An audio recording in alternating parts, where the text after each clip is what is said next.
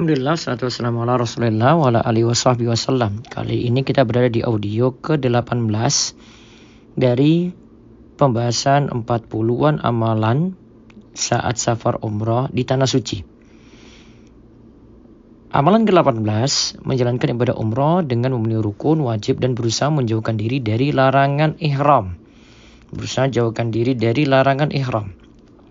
Dari Abu Hurairah radhiyallahu anhu ia berkata bahwa Rasulullah Shallallahu Alaihi Wasallam bersabda, Al umratu ilal umrati kafaratun lima bainahuma wal hajjul mabruru laisa lahu jazaun illal jannah.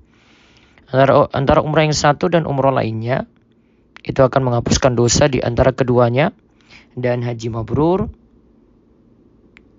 tidak ada balasan untuknya melainkan surga.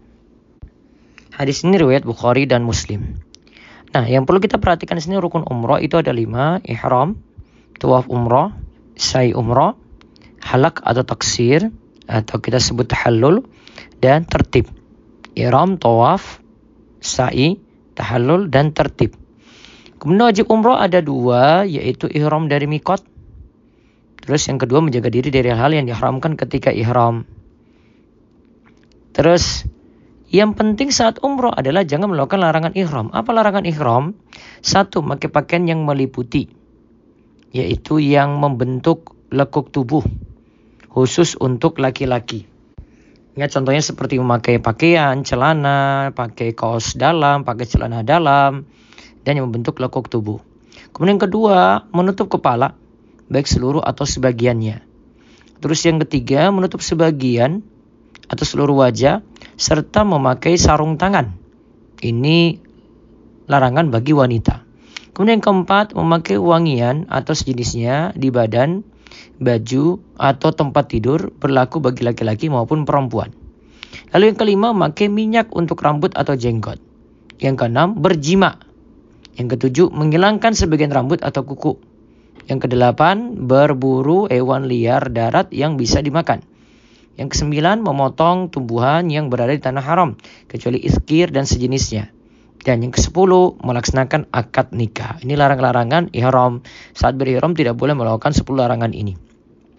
Nah, jika larangan itu dilakukan ada beberapa dam yang perlu diperhatikan karena melakukan pelanggaran tadi. Yang pertama, dam yang wajib dibayarkan karena meninggalkan nusuk. Yaitu meninggalkan sesuatu yang diperintahkan atau kita sebut jadi wajib ihram. Ya, wajib ihram. Contoh tidak ihram dari mikot. Dam ini secara berurutan adalah satu, seekor kambing yang memenuhi syarat untuk kurban.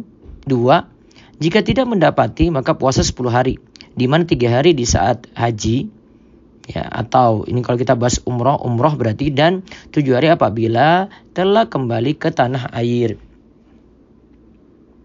Puasa tiga hari tadi dilaksanakan pada 6, 7, 8 Zulhijjah saat berhaji. Kalau ini kaitannya dengan haji. Lalu yang kedua, dam yang wajib dibayarkan karena mencukur. Contoh, mencukur seluruh rambut kepala atau tiga helai saja. Dan at-tarafu, yaitu bersenang-senang. Contoh, memakai wangian dan minyak. Dam ini berdasarkan pilihan satu, seekor kambing. Ini pilihannya, berarti dipilih. Seekor kambing yang memenuhi syarat untuk kurban. Atau puasa tiga hari. Atau bersedekah tiga sok kepada enam orang miskin. Masing-masing orang miskin mendapatkan setengah sok yaitu setengah sok makanan yang sah diberikan untuk zakat fitrah. Lalu yang ketiga, ini tidak semua dam yang disebutkan di sini namun cuma sebagian saja. Ini yang ketiga, dam yang wajib yang dibayarkan karena berhubungan intim. Dam ini secara berurutan adalah satu, satu ekor unta. Dua, jika tidak mendapati maka satu ekor sapi. Tiga, jika tidak mendapati maka tujuh ekor kambing. Empat, jika masih tidak mendapati maka ia menilai unta dengan uang dan membeli makanan dengan harganya dan menyedekahkannya. Yang kelima, jika tidak mendapati, ia puasa satu hari untuk setiap mood. Yang jelas lakukan umroh sesuai dengan tuntunan yang wajib dipenuhi untuk rukun dan dan wajibnya dan jangan sampai lakukan larangan sehingga terkena dam. Semoga Allah mudahkan umroh di tanah suci dan bagi yang belum punya kesempatan Allah mudahkan untuk hadir di tanah suci. Allahu ya Allahu yubarik fiik.